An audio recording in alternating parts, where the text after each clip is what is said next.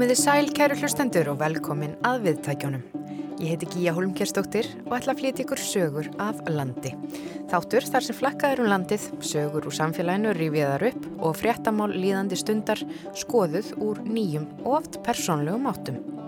Í dag ætlum við að fjalla um spennandi rannsóknarverkefni og við heyrum einnig fleiri brot úr gömlu viðtali við Jónas Tryggvason, bólstrara og tónlistamann á Blöndósi. En við byrjum á kornrekt. Kornrekt hefur verið stunduð á Íslandi allt frá landnámi en þó stópult þar sem rektunin lagðist af á köldum veður tímabilum og þar með glataðist mikilvæg þekking. Nú á setni tímum hefur kornrektin verið stunduð óslitið frá árunnu 1960 eða í 60 ár. Kornrekt hefur að mestuleiti verið drifin áfram af miklum áhuga og uppskeran fyrst og fremst ætluð til fóðrunar á hústýrum.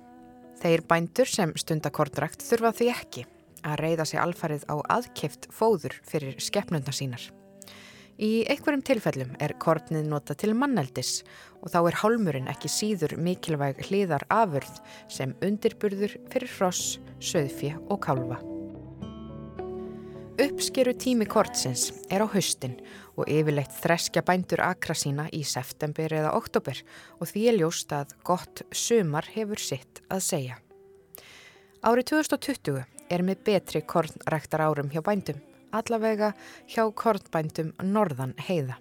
Gott vor, hlýtt sömar, mikil haust blíða og uppskeran eftir því. Herman Ingi Gunnarsson, bóndi í Klauf í Eyjafyrði, er með stærstu kornbændum þar í sveit. Hann stefnir að því að vera sjálfbær með kjarnfóður í framtíðinni og eftir þetta góða kornsumar verði um 70% af öllu því kjarnfóðri sem að kýrnar á bænum fá framleitt úr heima ræktuðu korni. Herman vill því enn auka kornræktina og ekki síst rækta nýjar tegundir. Ágúst Ólafsson hitti Herman í Kornhlöðunni í Klauf sem byggð var árið 1938 þegar Kaufélag Eyjafjörðar keifti jörðina til að stunda þar tilraunir í kornrækt. Já, ég heiti Herman Ingi Gunnarsson og er bondi í Klauf í Eyjafjörðarsveit.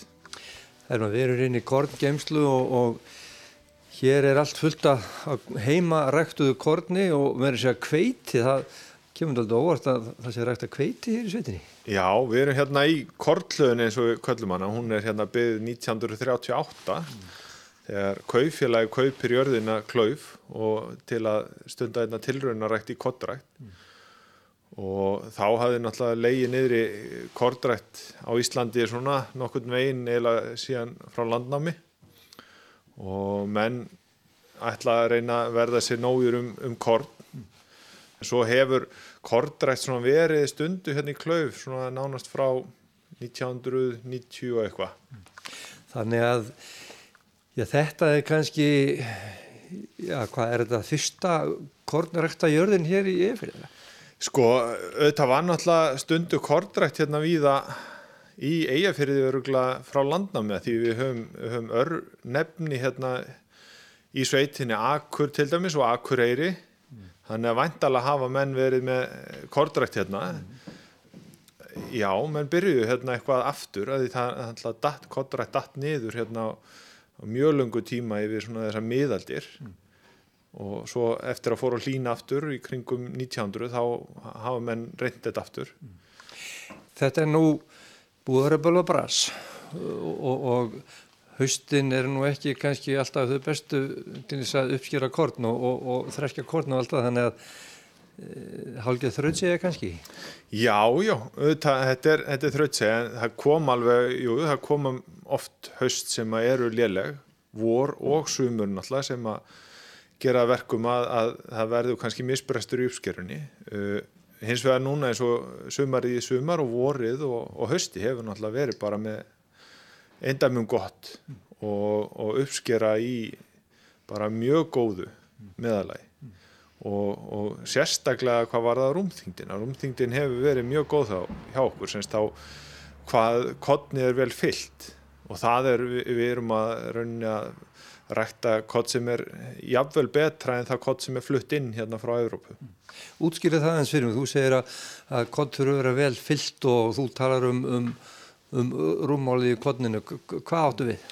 Já sko, það, hvert kottn hefur bara sko, eitthvað eðlistingt mm. og, og það tekur vist mikið pláss í hverjum í rúm, rúmmáli líka og rúmþingdin er hvað hvert korn er þá þungt uh, því þingra sem það er því meiri orku hefur það mm. oft ef að sumrin og, og höstin sérstaklega eru, eru léleg þegar við fáum til dæmis frostnætur snemma að sumri að þá gerist það að kornið hættir að fylla sig hættir að búa til orku inn í korninu mm. og þá verður þetta bara hismi eða hýði sem er mjög eðlislétt mm. og þar alveg verður lítil rúmþyngd í korninu mm það er mjög misjamt eftir sko yrkjum einstaklingum innan uh, byggsins uh, og svo hafa menni gernum tíðina verið að búa til ný yrki sem að henda vissum aðstæðum og, og við höfum búið til yrki sem eru sérstaklega hönnurunni fyrir íslenskar aðstæður og gef okkur þessa uppskjöru sem við erum að fá í dag og, og þessi, þessi yrki sem við fengum til dæmis mesta uppskjöru af í, í sumar eru íslensk yrki sem er búið að vera að þróa í örgulega 15-20 ár. Við erum í hjarta eifærarsveitarinnar og, og hérna maður horfir, getur hort hér yfir sveitinu og yfir akra meðal annars og, og þetta er glettilega mikið. Þetta er kannski miklu meiri kortrætt hér í eifirði en maður kannski átt að sjá. Já sko hún hún er aukast núna við fundum aðeins fyrir því í voru að menn voru svona settu niður meira uh, hins vegar hafa verið mjög döpur ár svona frá 2010 mm. Þetta hafa verið hafa komið eitt og eitt ár sem er mjög gott en svo hafa komið tvö, þrjú sem eru svona lélu og þeir þrautsegustu halda áfram hins vegar sko í kringum 2005-06 að þá voru hérna tölvert fleiri kortræktendur mm.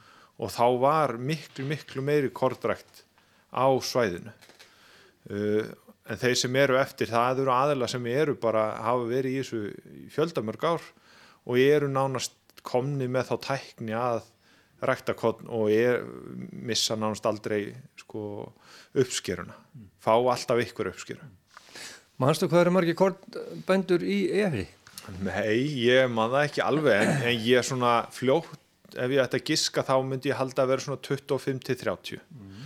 sem eru með eitthvað verðalegt magt svo eru alltaf ykkur sem er að rækta uh, örfáa hektara annarkvort þá bara runni til að fyrir gæs eru þá í þessu út af sportin að hérna uh, rækta kott þannig að það getur fengið gæs í kottstykkin á höstin til að skjóta hana mm. svo eru aðri sem að rækta bara kort til að ná hálmi að því þeir eru með lit, gripi á hálmum og, og þurfa þá hálmin og er þá bara rægt að kottið þess að fá hálmin mm. og kottni er þá, eða byggið er þá bara einhver aukafurð en svo eru eiginlega við hinni sem erum að rægt að kottni bæði fyrir hálm og bygg og gæsaveðina mm. og reynum að, að ná peningin á alla þessa liði að því að, að þetta þarf alltaf hjálpa stað til þess að þetta skili allavega sér á nullinu sko. Mm. Hvað ræktar þú mikið og, og já, hvaða tegundur og, og, og hvernig nýtist kornræktin uh, þessi, já, ég heyra að þú leggur orðið miklu áherslu á kornrækt þínu búskap, hvernig nýtist hún í, í hér á búinu? Já, sko, við höfum svona, hafur ekki kannski verið beint stefna hjá okkur en hún er farin að við erum farin að stefna í það að reyna að vera svona nokkur veginn sjálfbar með kjartfóður eða staðistan hlutan af kjartfóðurinn sem við nótum mm við, við framleiðum svona um 60 tonn af byggi og, og við höfum verið með kveiti og reyndar náðum við ekki í sumar. En það kveiti sem við hefum núna það er frá því fyrra, það hefnaðist mjög vel. Uh, við höfum líka reynd okkur við rú uh, sem hefur gefið svona misjafna uh, uppskeru og ég hef við höldum nú ekki því áfram. En mögulega munum við setja henniður havra á næsta ári en þetta notum við allt bara í blöndur fyrir kýrnar mm. uh, kveitið hins vegar hefur við ég hef verið að gefa hérna hótelum og veitikastöðum hérna í Eifrásveit bara kveiti til að prófa að bakur og eins og Lambin eða, eða núna Fimbul heitir uh, þeir hafa notað þetta í að baka brauð uh, og notað líka af, afgang frá millunni í að búa til rasp fyrir held ég fisk og, og, og kjúkling þannig að það eru margir vegir, vegir færir í þessum efnum. Við getum gert gríðarlega mikið í þessu bæði auka verðmætti e, byggsins og, og kveitisins og fara bara í nýjar e, tegundir sem við gátum kannski ekki gert hérna fyrir 10-15 árum.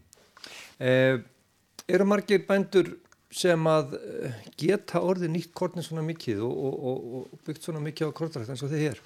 Sko við náttúrulega búum rosalega vel hérna í Eifjörðarsveita því við höfum mjög stóran kjartfóð framleðanda á Akkurri sem að náttúrulega gerur okkur þetta kleift að að geta farið alltaf með kodni okkar í bæin þegar okkur vantar kjartfóður. Það er tiltölulega einfalt að fara með það sem við þurfum að láta blanda fyrir okkur í hvert skipti inn á akkureyri og að láta blanda fyrir okkur kjartfóður sem við setjum svo bara í, í sílóin og gefum kúnum. Við erum að kaupa cirka 90 tonn, 80 til 90 tonn af kjartfóður ári af því er örgulega svona 50 tonn frá okkur sjálfu og vonandi verður það bara meira.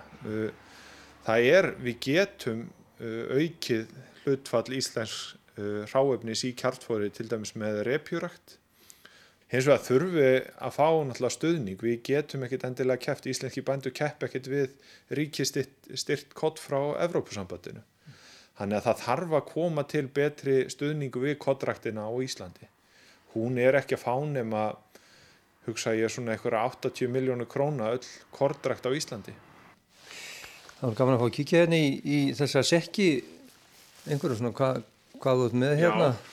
Hérna er hveitið, það er náttúrulega, þetta er, þetta er hérna mm. mjög svona flott og, og, og er mjög gott hveiti. Ég fór með síni niður í bústolpa og, og hérna þeir rúm, þing, mælduðu þetta og Og, og þetta var tölvert betur en það sem þeir eru að flytja inn mm.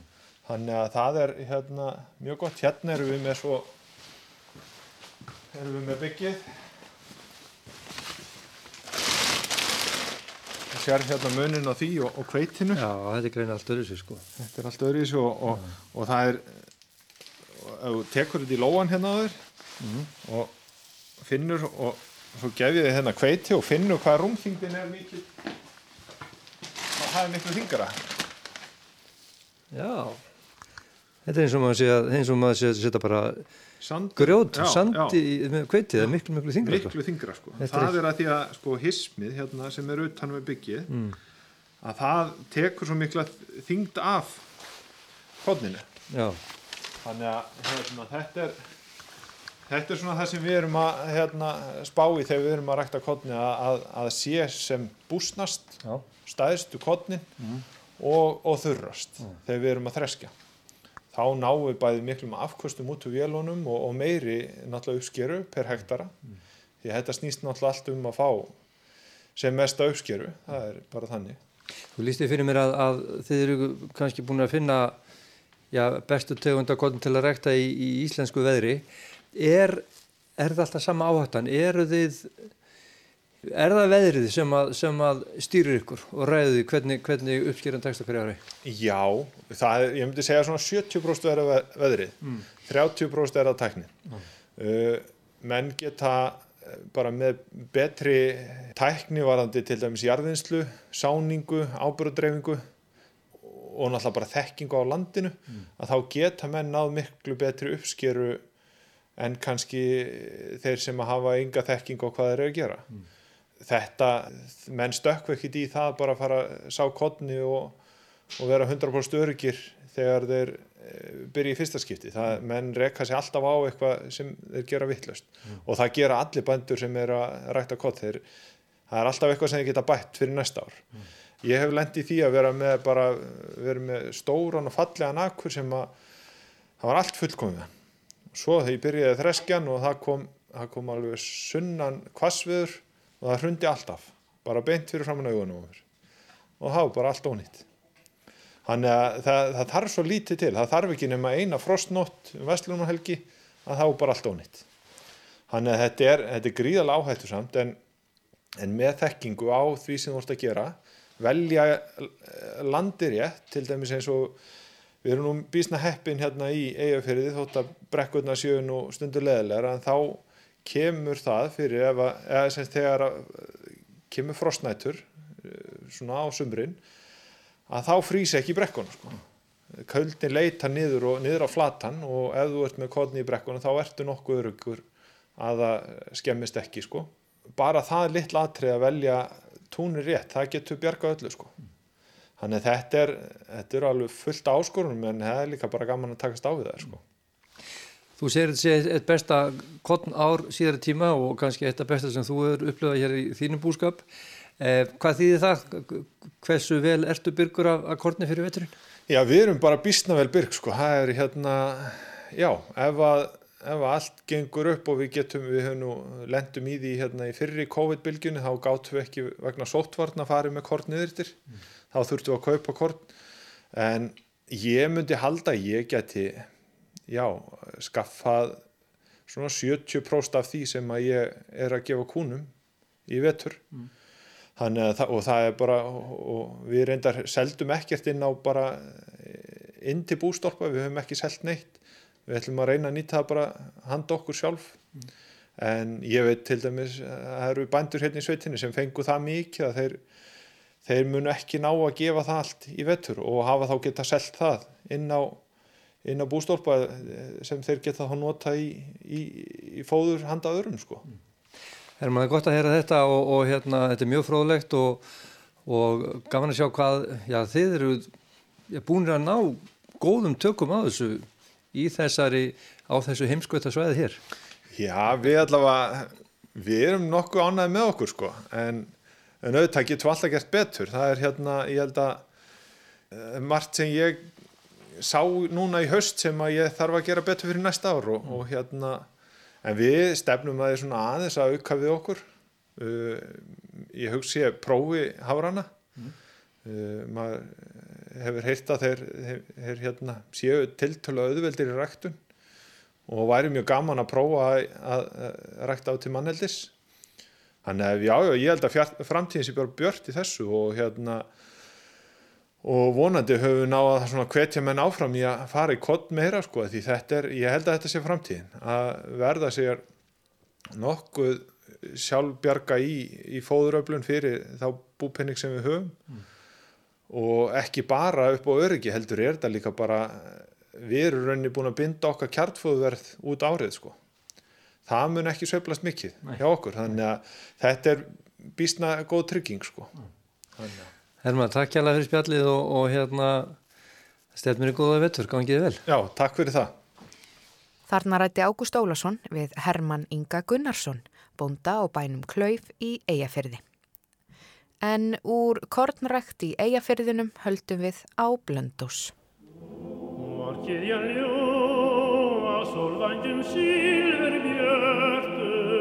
Í síðasta þætti af sögum af landi var flakkað um Blöndós þar sem meðal annars var farið í heimsókn í tónlistaskóla Östur Húnvetninga, þar í bæ. Í heimsóknminni þangað komi ljós að í þessu húsi, sem að hýsin nú tónlistaskólan, byggu áður hjónin Jónas Tryggvason og Þorbjörg Bergþórsdóttir. En þau hjónin voru mikið áhuga fólkum félags- og menningarmál og höfðingjar heim að sækja. Þorbjörg starfaði sem kennari við barnaskólinu Blöndósi og Jónas var brautriðjandi í tónlistarlífi héraðsins en hús þeirra gekk til tónlistarskólans að þeim látnum.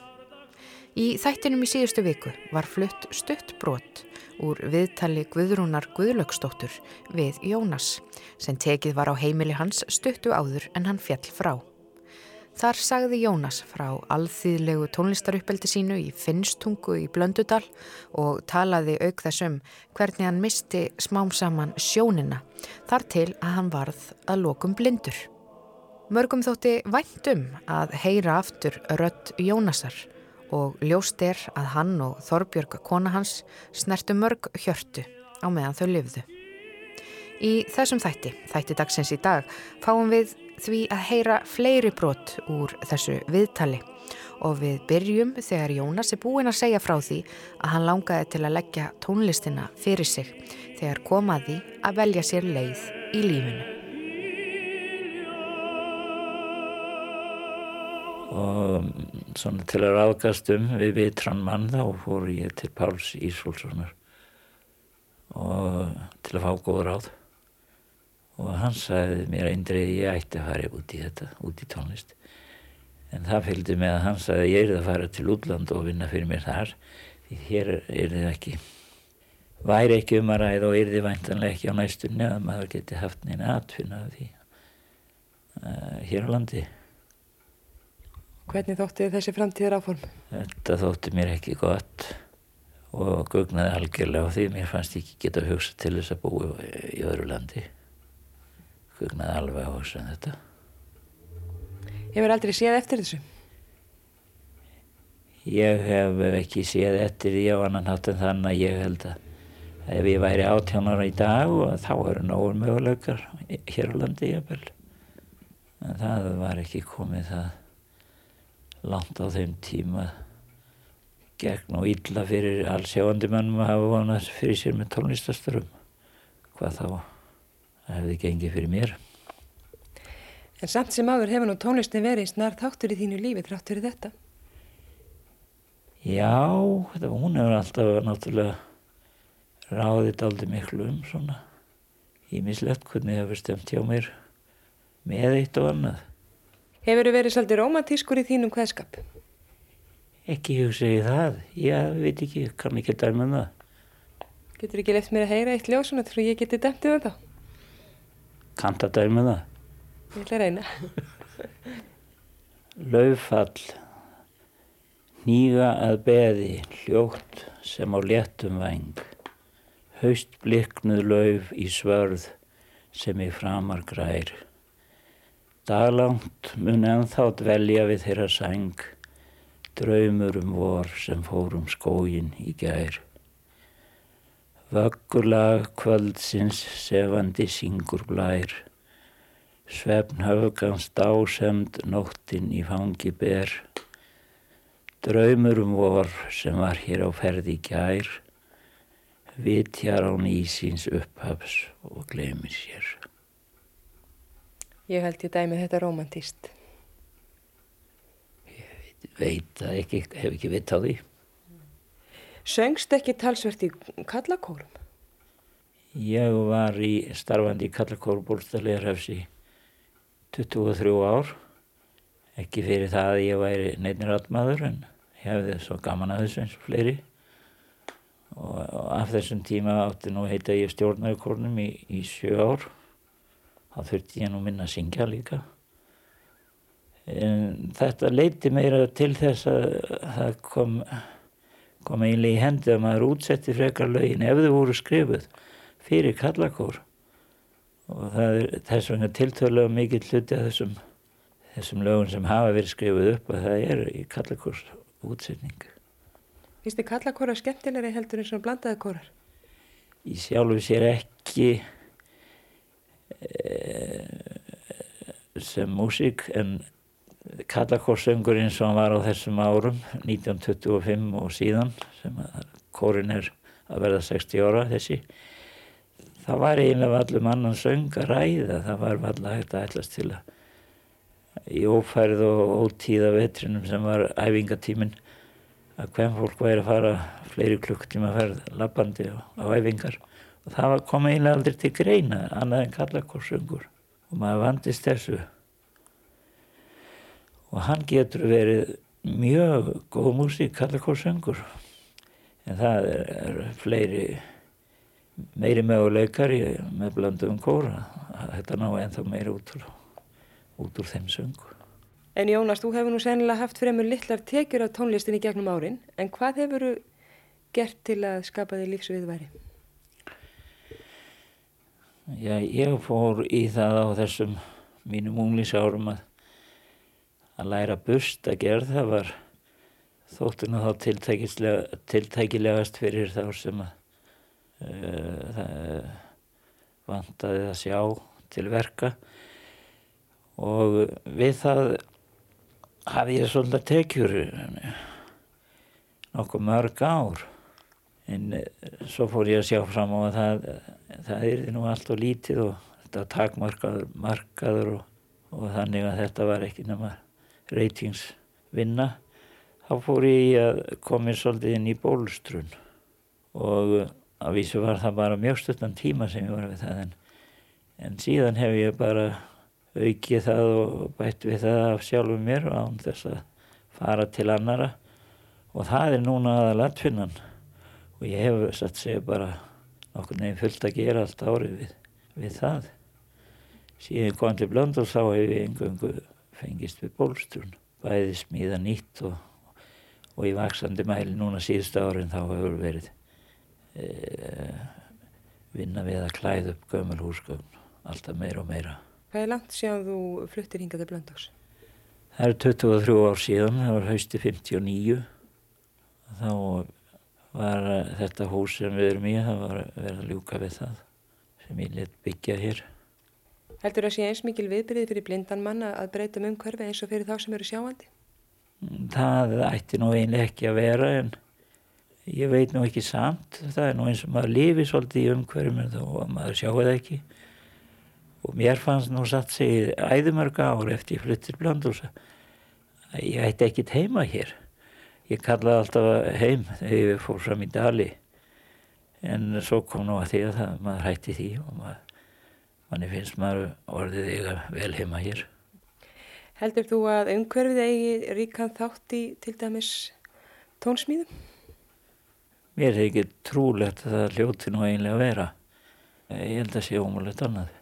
Og maður gerir sér þegar nú ekki ljóst kannski sjálfur. En þegar þú til dæmis samtir nú lög hér áður, þú segist nú hafa mikið til hætt þessu setni árin, hvað var það þá sem að kvartiði til að semja lægið? Hvað var það, hvaðsla stemning? Varstu gladur eða varstu hryggur eða hvað var það sem að fekk þið til að setjast niður og fara að semja lag? Ég settist ekki niður til að semja lög.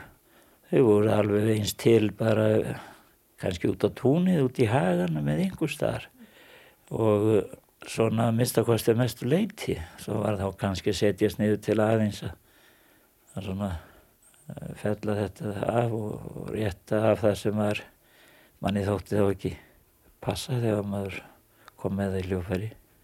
Skrifaður í lögin niður? Nú hefur þú átt erutni, það er ekki? Ég skrifa aldrei niður nokkur lag. Ég uh, var búin að tapa það mikil sjóna á þeim árum að það var, það var ekki hægt og satt sig að hefur verið mjög fátt að þessu skrifa niður. Ég hef ekki týrt um að halda því til haga þannig. En myndur þá lögin nokkuð vel? Ég gæti muna þau, já, já, alveg. Ég gæti muna lögin nótur rétt eftir ég var einsinn búin að koma inn í fasta skorður. Já, kannski svo svo lengi. Hafður þau yfirlegt gott minni? Ég mun hafa haft talsett mikið meirinn meðal minni og það, það voru nú aðri sem töluði alltaf um það. Ég taldi þetta einhvern sjálfsæðan hlut. Lítið að vera allir hefðu svona minni var hissa þegar minn myndi ekki aðrir eh, alla mögulega hluti sem að ég var þá lág alveg ljóslefandi fyrir mér og fannst þetta sjálfsvæða hlutur en ég finna núna að fyrir ég hef tapað heil miklu á minninu og þá það munar hansi miklu Og hefur þú tapað tónminninu? Já, því miður hef ég eitthvað tapað því líka en held ég kannski þó ekki á sama hátt eins og eins og einsum öðrum sögum Segðu mér Jónas, hefur þið þótt gaman að dansa? Ég lærði eiginlega aldrei að dansa. Ég veit ekki um það hvort það hefði verið gaman. Fannst þú aldrei hjá því svona þörf til að reyfa þegar þú heyrði skemmtilegt lag? Jó, svona eitthvað ítti það við manni þannig, jú, jú. En spilaður fyrir dansi? Ég gerði það eitthvað innan við fermingu, svona aðalega eða engöngu á bara innan sveitarbjörlum. Á hvaða hljóðfæri spilaður? Spilaði bara orgel. Var það ekki heldur svona leiðilegt hljóðfæri til að spila fyrir dansi? Þetta þótti bara sæmilegt þá.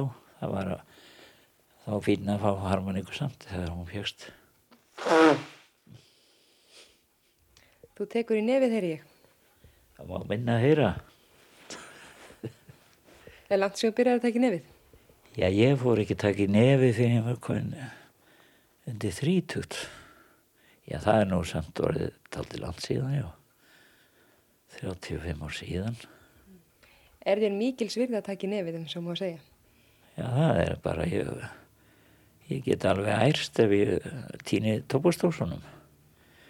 En svo kannski þó ég sé búin að leita þeim og finna þeir eftir, eftir langa mæðu. Þá er ég til að stinga í vasan og teka ekki í nefið strax. Þegar þú velur lög á efnisgrá, til dæmis sjá kallagórum og svona, hvers er þá aðalega að geta? Já, það er nú kannski eitt og annað sem að þvælist inn í það þegar maður er að því. Stundum er það, oft er það að sjóna með að hafa lög sem að e, fólkinu finnst gaman að syngja og æfa. Og svo má, má nú ekki einn söngskrá vera á veinhafi, það má helst ekki vera allt sam, svipuð eða samkrónu lög og þá fá einhverju meiri breyti í þetta og þá slæðist inn á söngskarnar alltaf eitthvað lögum sem að, sem að söngfólki bara var eh, í sand og ösku og leiðist allan vetturinn að æfa en eh, þykir svona af einhverjum ástæðum samt ekki með að falla það niður og svo þarf að miða þetta líka í e, við hvaða söngkraftar eru fyrir hendi þetta er, það er ekki sama hvort það er 30-40 manna kór eða eða kvartitt eða eitthvað mjög fá, fá, fátt fólk. Gengur ég að fá menni í alla rættir? Það er ekki svo mikill munur á því hér á þessu svæði. Það, það er ekki eins og í skagafyrinu þar sem helst allir syngja tenur og fá, fást ekki bassamenn. Þetta var nú sagt í gamla daga. Það er nú minna að tala um það núna. Það er kannski einhverju aðfluttir komni núna. Það eru til góði bassarar. En þú hefur aldrei farið út í að semja hreinlega lag fyrir kallakonu þegar þú stjórnar og vegna þess að þú findir ekkit sem þið hendaði nákvæmlega? Ég held ekki. Mann og ekki eftir því. Þetta er alltaf um svo mikið að velja og miklu að móða. En eftir að þú hættir að stjórna kallakornum, hefur þú þá lagt alveg á hilluna alla söngstjórn? Nei, það var nú einhvern veginn aðtvökkast þannig að ég flutti hingaða að e, það hefur einlega alla, allan tíman verið eitthvað, eitthvað sem ég hef komin alveg í það var árið eftir ég kom hingað til Blöndóls þá var fjórir menn sem tók sér saman og vildu stopna kvartitt ef ég, ég spilaði undir. Og þann var við líði í tíu ár þegar sá kvartitt síðan var fjölgað þar og tvöfaldu talan. Og ég held að það sákúr hefði sungið tvö ár. Og það var nú ekki fyrr sem að það leistist upp heldur en að það komur saman nokkri lægjón kallar hérna á Blöndursi og það var sungið síðan í sex. Og við syngjum þetta með þremur öttum, þetta er tvöfald tríó. Og þetta er tíunda árið sem við höfum e, sungið svona saman. Svo þetta er nú orðin samtals líklega hvað 12 45 ár sem ég hef eitthvað verið að fást við söng. Eitthvað svo leiðismenn að vera. Þar að ekki hafa stundum komið svona einhverjir smá hópar og, og við að mæft upp uh, fáinn lög svona fyrir jákvæðin tilefni og skólaskemtuna eða eitthvað. Eða gefist eitthvað sérstak tilifni það var nú meira fyrir á árum En þessi læjónsfélaga sem þú nefndir á þann hafa þið nokkuð sungið lög eftir þig? Ég held að það sé nú bara eitt lag sem, sem þeir hafa sungið eftir mig og kannski er það nú þá ekki rétt sem ég sagði á þann að ég hef líklega sett það saman og textan líka svona til að fá þarna inn í svolítið já, sérstaklega stemmingu fyrir þorrablótið eitthvað þess að það minnir þetta nú kannski.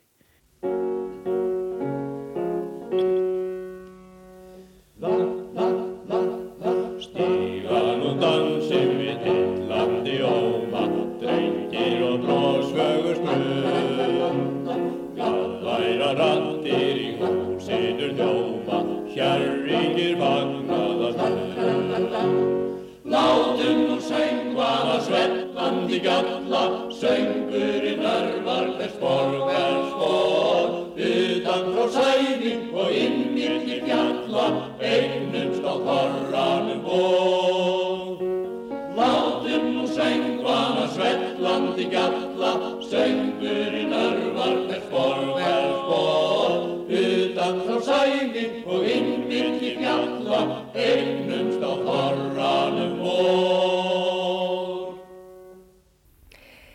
Getað hugsað þér að- að ganga í gegnum lífi svo að hlusta aldrei á músík og vera ekkit viðriðin eina tónlistariðkan? Nei, ég held að það hefur nú verið ansi erfitt. Og það, þess vegna hef ég oft sagt að það væri af tvennu sem að hvort vekir ílt að vera að hafa ekki hirn eða hafa ekki sjón þá er ég ekki vandam að velja þar á milli. Það væri óskaplegt að vera hirnalös. Þarna voru flutt brot úr viðtali Guðrúnar Guðlöksdóttur við Jónas Tryggvason, tónlistamann og bólstrara á Blöndósi. Jónas lést þann 17. ágúst 1983 en viðtali var tekið um ári áður, eða haustið 1982. En frá minningum Jónasa Tryggvasonar höldum við í Landbúnaðarháskóla Íslands. Við jarðhræringar í Suðurlandsskjáltanum 2008 gekk ímislegt úr skorðum. Meira segja varð rask í náttúrunni því að í Ölfusinu, sem er nálagt skjálta miðjunni, röskuðust jarðhita svæði þegar bergæðar í berggrunninum færðust til og heitt vatn byrjaði að renna í nýjar áttir sem að leiti til þess að köld svæði byrjuðu allt í hana hitna.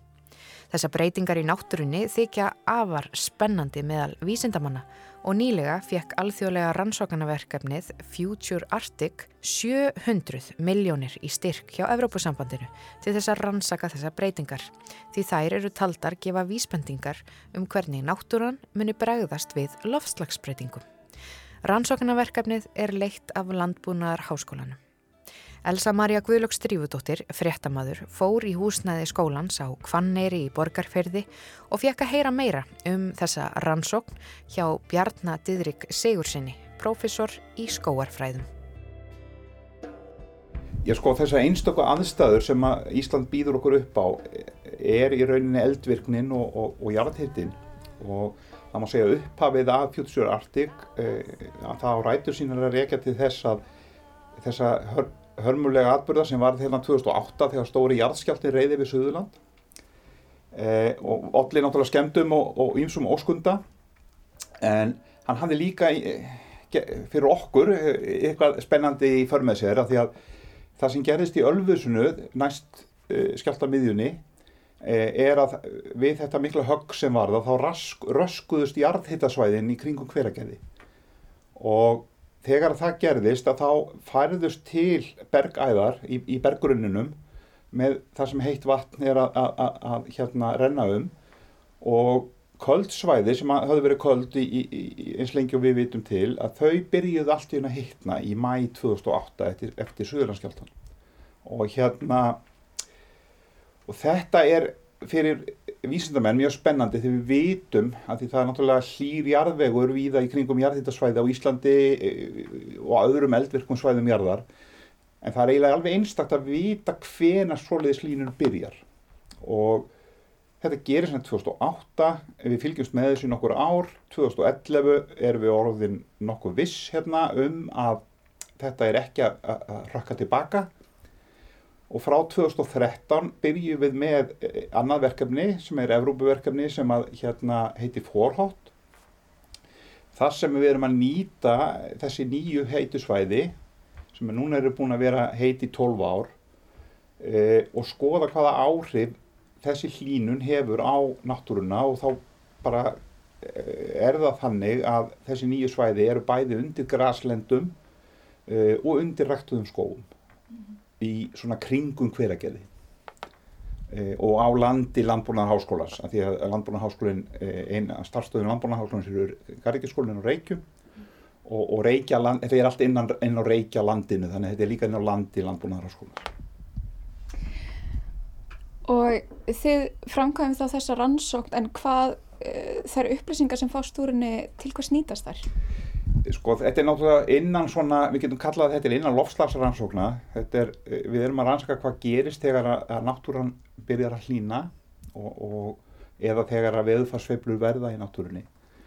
E, það sem er ólíkt, e, eða það sem er mjög sérstakt við þessar einstakku íslensku aðstæður er að það sem að berg, er greins niður á berggrunnin, að það hlínar mest og því þykkari sem jarðvegurinn er, því, því, því minni er hlínunin. E, þetta er ekki þannig að þetta er þessi jarðhittavatn sem er að, að leita upp á yfirborð, þetta er bara hiti sem best úr berggrunnum og hérna við erum þá með svona breytilega mik mik mikla hlínunum, við erum frá því að vera bara með 0,5 gráður eða 1 gráðu upp í að vera reyndar alveg upp í 40 gráður hlínun og en við erum þá að nýta þetta bil sem er frá því að vera engin, engin hlínun upp í það að vera 15 gráður hlínun sem er svona það sem við getum sagt að svart sínustu spárun lofstafsbreyningar er það hlínu í, í, á heimskotasvæðum alltaf 8 gráður. Þannig að við erum að spanna allt þetta, þetta svið sem gæti gest hér á norðurslóðum til, við lók þessar aldar. Og við erum engum að, að skoða hvað gerist í, í, gróðuri og jarðvegi. Og hlínunni náttúrulega, þetta er jarðvegslínun eh, og, og hlínunni kemur semst þá úr bergrinunum og upp og fyrir lífriki og efnarhingrásur og allt annað sem gerist í jarðvegi þá skiptir það engum máli ef við erum að skoða dýralíf eða það sem vex ofan á yfirborðinu að þá er þetta ekki tímavel fyrir loftasbreytingar því þetta, þetta er ekki hlínuna ofan eins og þegar veðufar e, breytist mm. en þetta eigur, þetta gefur okkur einstaka möguleika samt að, að, að skilja hvernig virkni, e, örvera virkni, alls konar lífkerfa breytist þegar ekkert breytist annað en hittafæri Má það kannski segja að þetta sé ákveðin insýn í framtíðina? Já, þetta, þetta er eh, með því að hafa þessa hitagradienta og, og geta skoða sagt, hvað gerist bara þegar að eh, hlínar um eina gráðu eða þrjár eða fimm eh, að þá eru við í raunina að fá glugga til framtíðar og það sem er svo aftur Íslandi er náttúrulega æðislegt og það býður upp á ímislegt sem ekki hægt að gera við annar staðar og, og eitt er þetta að, að vita hvenna fór að hlýna þarna. Hitt er að önnur jarðheitasvæði á sama, í Ölfusnu röskuðust ekki við jarðskjálta og þar vitum við að til dæmis inn í, í Grændal og, og, og bara sem er þarna e, bara mjög stutt frá þessum svæðum sem byrjið að hlýna að þar er búið að vera að fylgjast með e, samskona svæðum í, í, í meira enn 60 ár og þau eru búin að vera hlý mjög lengi. Þannig að við erum að skoða að gera rannsóknir á söm visskerfum sem hafa núna eru búin að vera hlý í 12 ár og getur svo skoða en hvað gerir þá náttúran eftir að hlýnar. Og þá berum við saman við samskona visskerfi sem eru búin að vera hlý í meira en 60 ár. Og það er bara hverki hægt að gera. Það er engin rannsókn sem er staðið svo lengi í heiminum. Stýrður rannsókn. Þannig að þetta er eitthvað sem er einstakt og þetta er í rauninni svona rannsókna innviðir sem eru svo einstakir að, að það er hverki hægt að gera sambarilega rannsóknir í heiminum uh, og það er ástæðan fyrir því að Evrópusambandi er í rauninni að meta þetta svo einstakta að það lætur okkur hafa þessar 700 miljónir til að þjálfa doktorsnema frá allveg Evrópu í að nýta þessar aðstæður. En talandi einmitt um alþjóðlegan samabörð er verið að skoða þetta víða í heiminum? Ef þú færið ekki hérna, almættið til að borga ram, ramarsreikningin eins og við erum með núna, við þurfum ekki að kosta neinu í þessa hlínun mm -hmm.